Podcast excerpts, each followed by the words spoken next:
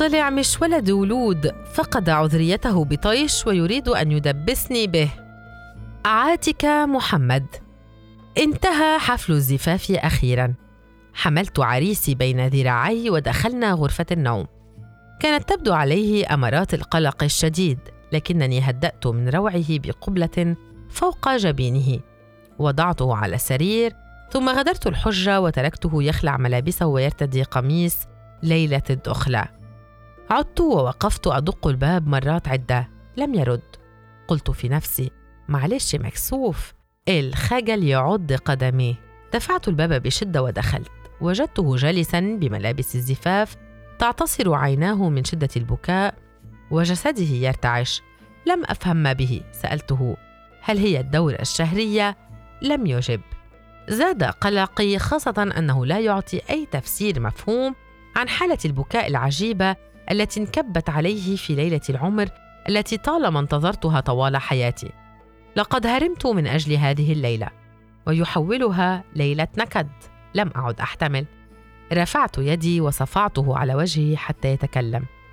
بدأ يحكي قصة غريبة ملخصه بأنه ليس ولد ولود وقد فقد عذريته بسبب فتاة أخذت منه أعز ما يملك بعد أن وعدته بالزواج وخلت به. شعرت أنني امرأة برأس كرنب. لقد خدعني وأوهمني أن أحدا لم يمسه قبلي.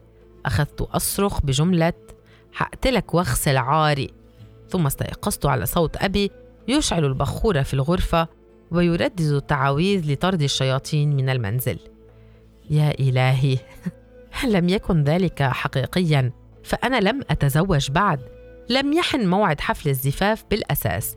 لكن شيئا ما همس في أذني بأن الكابوس الذي هتك عرض منامي ليس عابرا وإنما هي رسالة تحذير هامة طلبت سعيد خطيبي على الهاتف والتقيت به على مقهى بكورنيش النيل بالقرب من منزله. قلت له بصريح العبارة أريد التأكد من عذريتك.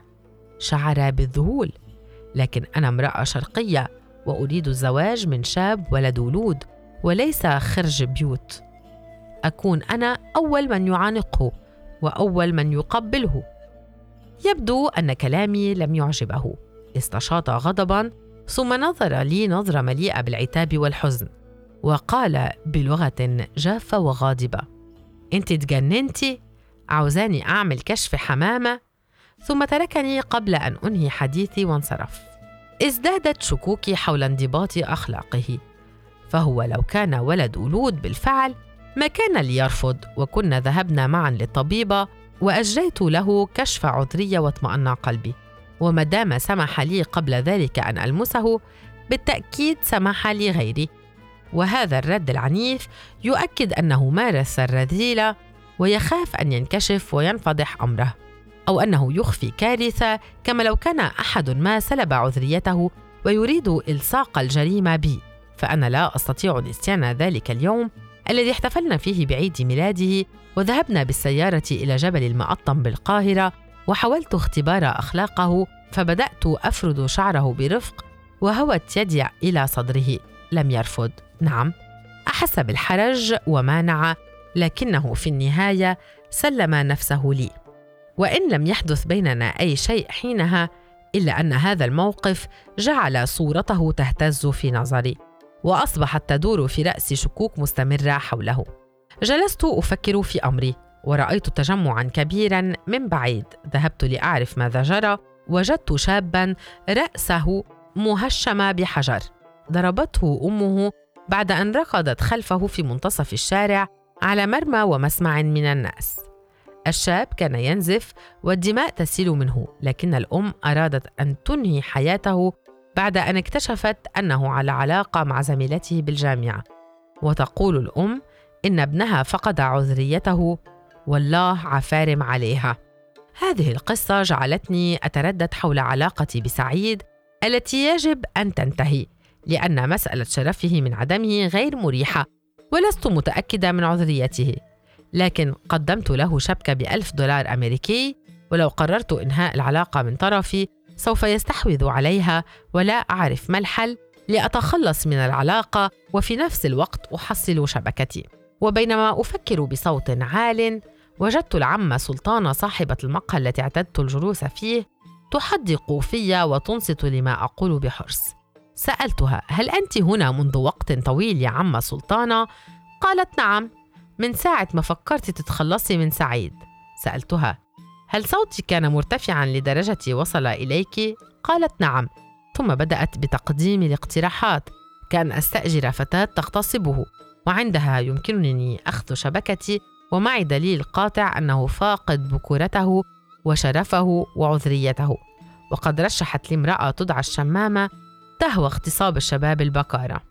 مسكينة سلطانة تعيش هاربة ومتخفية في شخصية سلطانة التي ليست شخصيتها ولا اسمها بل اسمها الحقيقي سعاد حيث ترجع قصتها إلى يوم زفة شقيقها عندما اكتشفت أنه فاقد العذرية رغم أنها أجرت له كشف عذرية والطبيبة قالت لا زال بكرا ولم تمس عذريته بأي سوء لكن النساء الكبيرات من عائلته في الجنوب لا يفهمن في الطب ولا يقتنعن به.